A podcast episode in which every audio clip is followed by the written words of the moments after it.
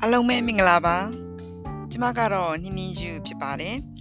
ဒီနေ့မှာဂျပန်နိုင်ငံရဲ့ပူပြင်းလာတဲ့နွေရာသီအကြောင်းကိုပြပြချင်ပါတယ်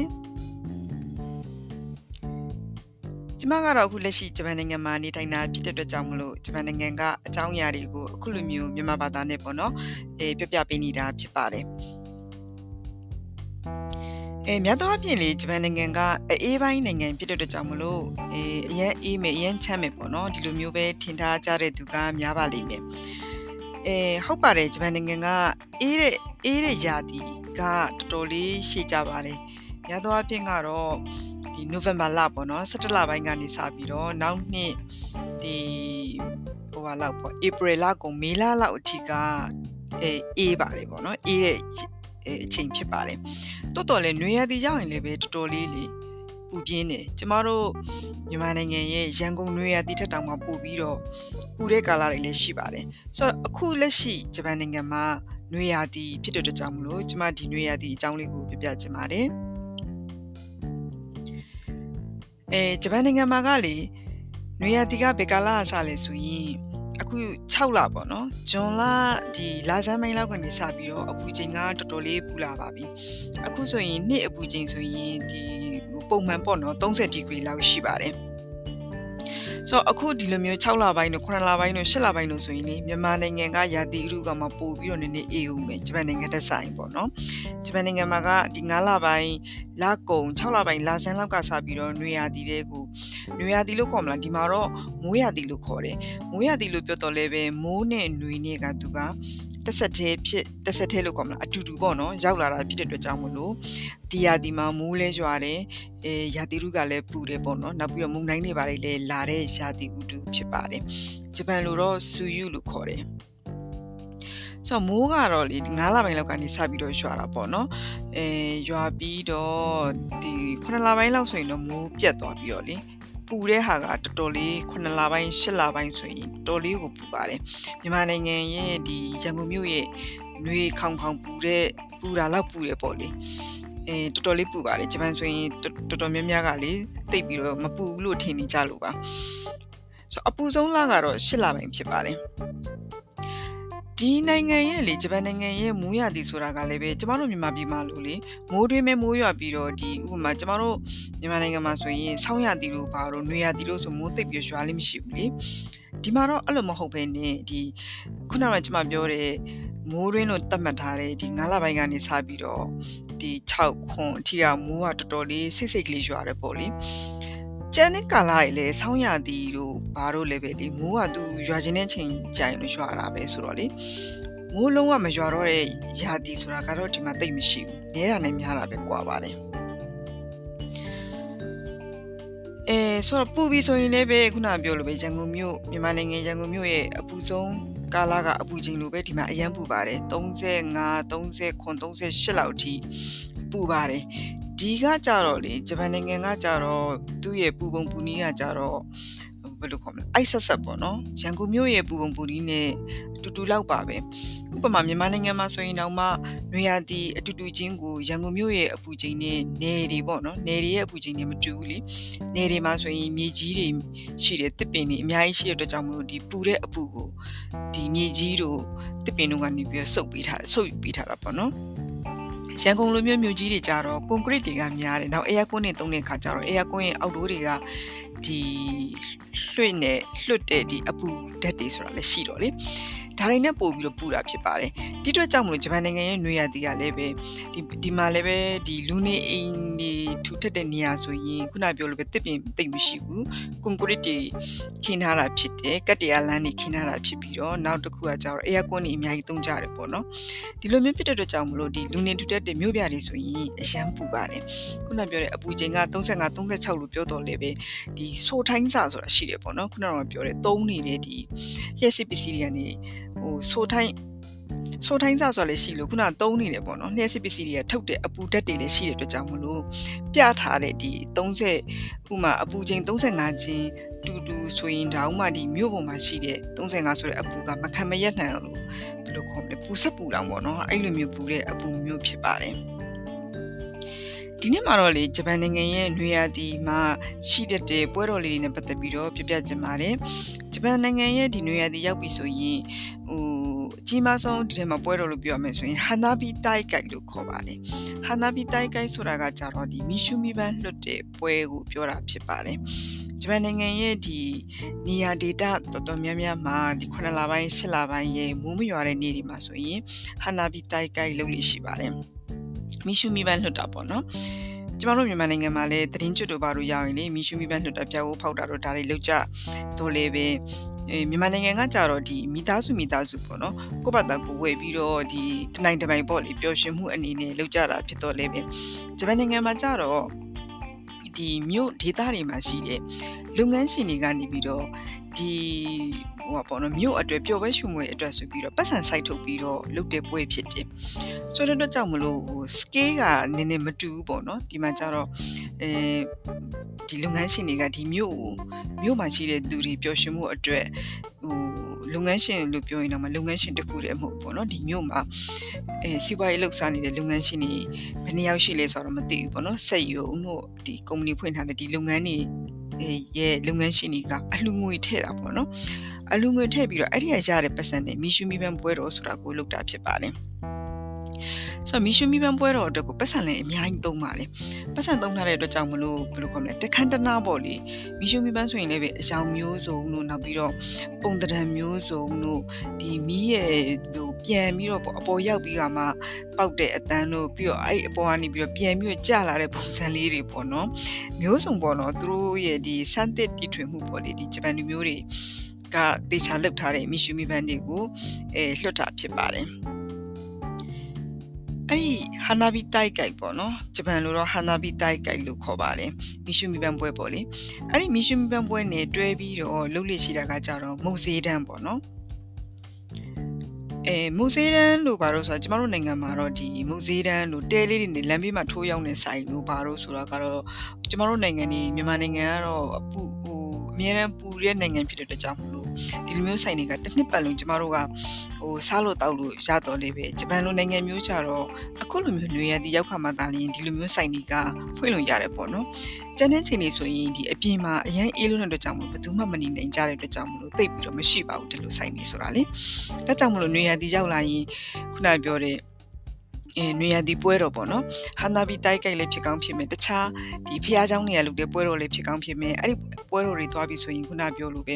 ဒီမုံစည်းတန်းတွေရှိတတ်တယ်ပေါ့နော်အဲ့မုံစည်းတန်းတွေမှာရောင်းချတဲ့ဟာတွေကိုအဲဝယ်ပြီးတော့စားရတော့၎င်းဒီလိုမျိုးပျော်ပွဲရှင်ပွဲတွေပြောရမယ်ဆိုရင်တော့အောက်ဒိုးပေါ့လေအဲပြင်ပမှာလုပ်လို့ရတဲ့ပျော်ပွဲရှင်ပွဲတွေကိုနွေရသည်မှာလုပ်လို့ရှိပါတယ် အဲ့လိုမျိုးပွဲစည်းတဲ့နေကိုသွားမယ်ဆိုရင်အဲအစားအစာတွေကဘာတွေရတတ်လဲဆိုတော့ဆိုတဲ့အခါကျတော့များသောအားဖြင့်ကတော့လေဒီဂျပန်ခောက်ဆွဲကြပေါ့နော်ယက်ခီဆိုဘာလို့ခေါ်ပါတယ်ယက်ခီဆိုဘာဆိုရင်တော့တော်တော်များများဟိုမြန်မာနိုင်ငံကစားတောက်ဆိုင်တွေမှာလေယက်ခီဆိုဘာလို့ပြောရင်ဂျပန်ဆိုင်တွေဆိုရင်လေအဲတော်တော်များများထားလေရှိပါတယ်ဂျပန်ခောက်ဆွဲကြပေါ့လေဟိုတရုတ်ခောက်ဆွဲကြနဲ့တိတ်ပြီးတော့သူကမတူပါဘူး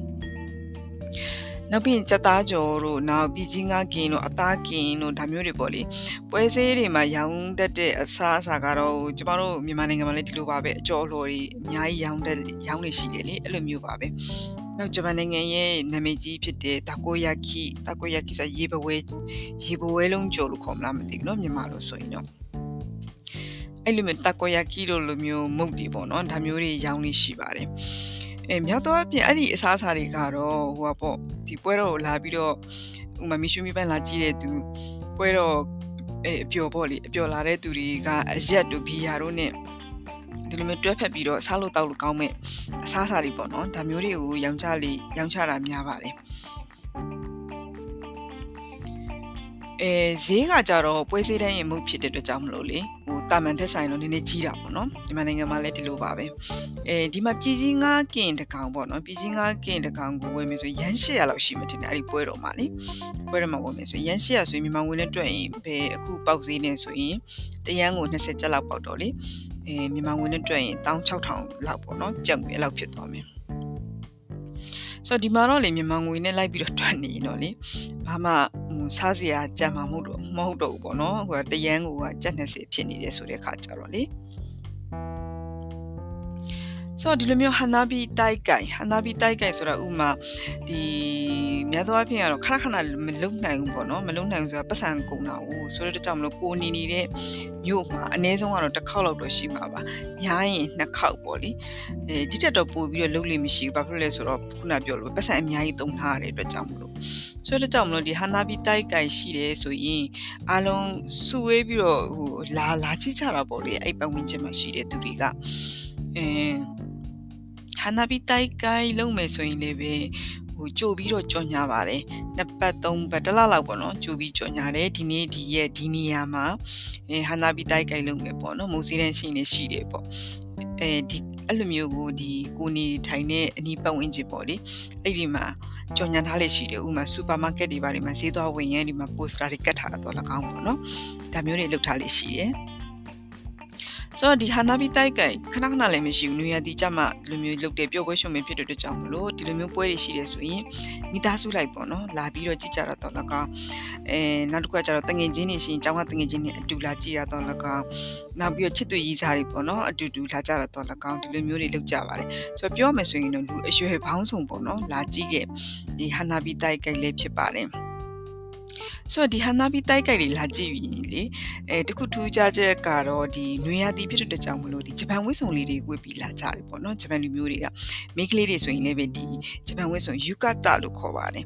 ခြီသားနဲ့ဒီချုပ်ထားတဲ့ဂျပန်ဝတ်စုံလေးတွေပေါ့နော်ယောက်ျားလေးတွေဆိုရင်လည်းပဲယောက်ျားလေးတွေဝတ်တဲ့ဒီယူကတာပေါ့နော်အမျိုးသားဝတ်တဲ့ဒီဂျပန်အင်ဂျီလေးတွေနေပေါ့နော်လာကြတာများတဲ့အတွက်ကြောင့်မလို့ဟိုကြည့်ရတာဘယ်လိုခေါ်မလဲဟိုလိုက်ဖက်တယ်ပေါ့နော်ဟန်နာဘီတိုက်ကြိုက်ဒီပွဲတော်နဲ့အဲအရင်လည်းပူတဲ့အချိန်ဖြစ်တော့လေလူမျိုးဂျပန်ချီသားဟိုဂျပန်ဝစ်စုံအင်ဂျီလေးတွေနဲ့ရက်တောင်လေးတွေနဲ့ပေါ့နော်လာကြတာပေါ့ဒီလိုမျိုး ဆိုတော့လေအခုကျမပြောလိုက်တဲ့ဒီဂျပန်ချီသားဝစ်စုံဆိုတာကဟိုပုံစံအပြင်ကတော့လေ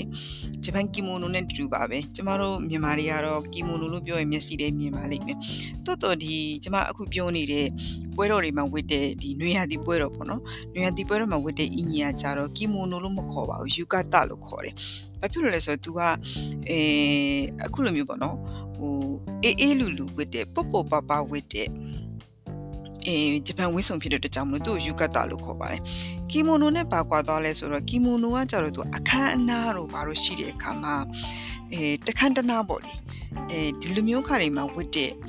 အဲဝင်းဆုံဖြစ်ပါတယ်ဆိုတော့ဘေခိုင်မှာဝစ်လဲဆိုရင်ဂျပန်နိုင်ငံမှာရှိတဲ့စေးချင်းစကီလို့ခေါ်တဲ့ဒီအသက်20ပြည့်တဲ့သူတွေကတက်ရောက်တဲ့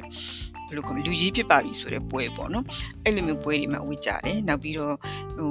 graduation ပေါ့လေကျောင်းကနေဘွဲရရင်ဒီဘွဲအခမ်းအနားတွေမှာဝစ်ကြတယ်ပေါ့နော်ကီမိုနိုကတော့များသောအားဖြင့်သူကအသားကလည်းထူပြီးတော့ဈေးလည်းကြီးတယ်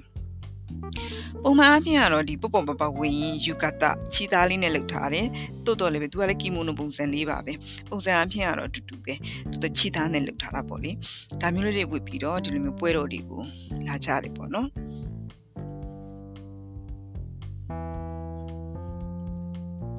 ဆိုတော့ဂျပန်နိုင်ငံရဲ့နေရာဒီကိုမကြုံမှုသေးဘူးပေါ့နော်အခုမှဂျပန်ကိုရောက်လာတဲ့ဆိုတဲ့မြန်မာတွေလည်းအများကြီးရှိရှိကောင်းရှိမှာပါအခုချိန်အခုလိုချိန်မျိုးပေါ့နော်ရောက်လာတဲ့ဆိုတဲ့သူမျိုးတွေကအခု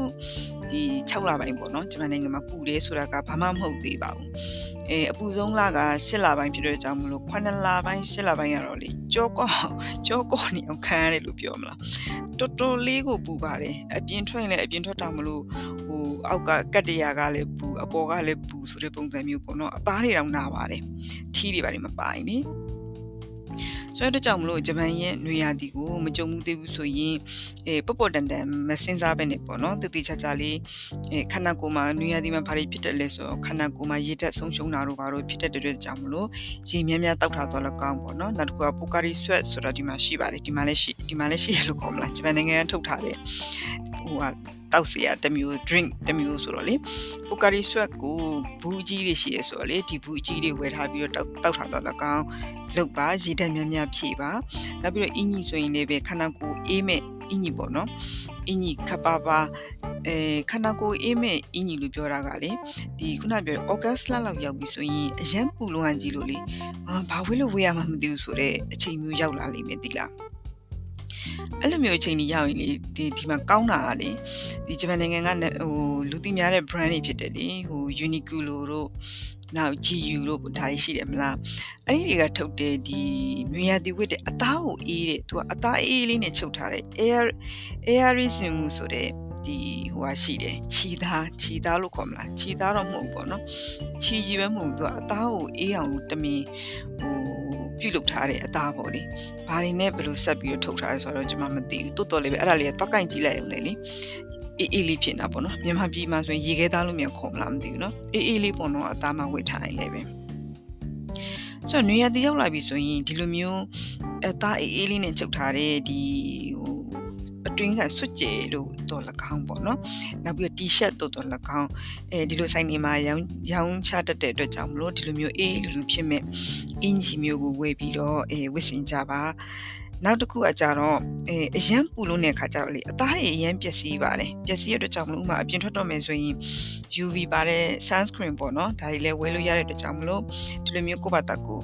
အဲနွေရတီကိုပေါ့နော်ဟို အခုကအခုဒီ6လပိုင်းဆိုတာအေးမသိမပူသေးဘူးမပူသေးလို့ပြောတော့လည်းပဲအခုကလက်တူနဲ့ပဲနေနေရပြီပေါ့နော်ဟိုတဖြည်းဖြည်းနဲ့တော့ပူလာပြီတော်တော်လည်းပဲဒီထက်ကိုထပ်ပြီးတော့ပူအောင်မှဖြစ်တဲ့အတွက်ကြောင့်မလို့အဲဒီပူပြင်းလာတဲ့ဂျပန်နိုင်ငံရဲ့နွေရာသီကိုလည်းပဲဘယ်လိုပြောရင်ကောင်းမလဲအေးအေးမြတ်မြတ်နဲ့ပေါ့နော်ဖြတ်တန်းနိုင်အောင်လို့အဲကြိုတင်ပြီးတော့ပြင်ဆင်ထားကြပါလို့အဲဂျပန်နိုင်ငံမှာနေတဲ့သူတွေအတွက်ဒီကနေပြီးတော့အကြံပြုအကြံပြုလိုက်ပါတယ်နော် အဲအခုလိုမျိုးပဲပေါ့နော်ကျမရဲ့ channel မှာကျမဒီဂျပန်နိုင်ငံမှာလက်ရှိနေထိုင်နေတာဖြစ်တဲ့အတွက်ကြောင့်မလို့ဂျပန်နိုင်ငံနဲ့ပတ်သက်တဲ့အဲကိုယ့်ရဲ့ပတ်ဝန်းကျင်မှာသိရှိရတဲ့အကြောင်းအရာလေးတွေပေါ့နော်နောက်ကျမရဲ့ထင်တာမြင်တာလေးတွေကိုဒီကနေပြီးတော့မြန်မာလူပြပြနေတာဖြစ်ပါတယ်ပုံမှန်ဆိုရင်တော့လေ YouTube မှာကျမဗီဒီယိုနဲ့ရိုက်ပြီးတော့ထုတ်လွှင့်တဲ့အစီအစဉ်တွေလည်းရှိတဲ့အတွက်ကြောင့်မလို့တကယ်လို့မသိသေးတဲ့သူက YouTube ကိုလာရောက်ပြီးတော့ကြည့်ရှုနိုင်ပါတယ်နီနီညူဆိုတဲ့နာမည်နဲ့ရိုက်ပြီးတော့ရှာလိုက်ရင်အဲထွက်လာပါလိမ့်မယ်နော် YouTube မှာလည်းလာရောက်ပြီးတော့ကြည့်ရှုပေးပါလို့ဖိတ်ခေါ်ပါတယ်နော်။ဆုံးနေ့အထိနောက်ထောင်ပေးတဲ့အတွက်လည်းကျေးဇူးများကြီးတင်ပါတယ်။နောက်ခေါက်မှာထပ်ပြီးတော့တွေ့ပါမယ်နော်။ Bye bye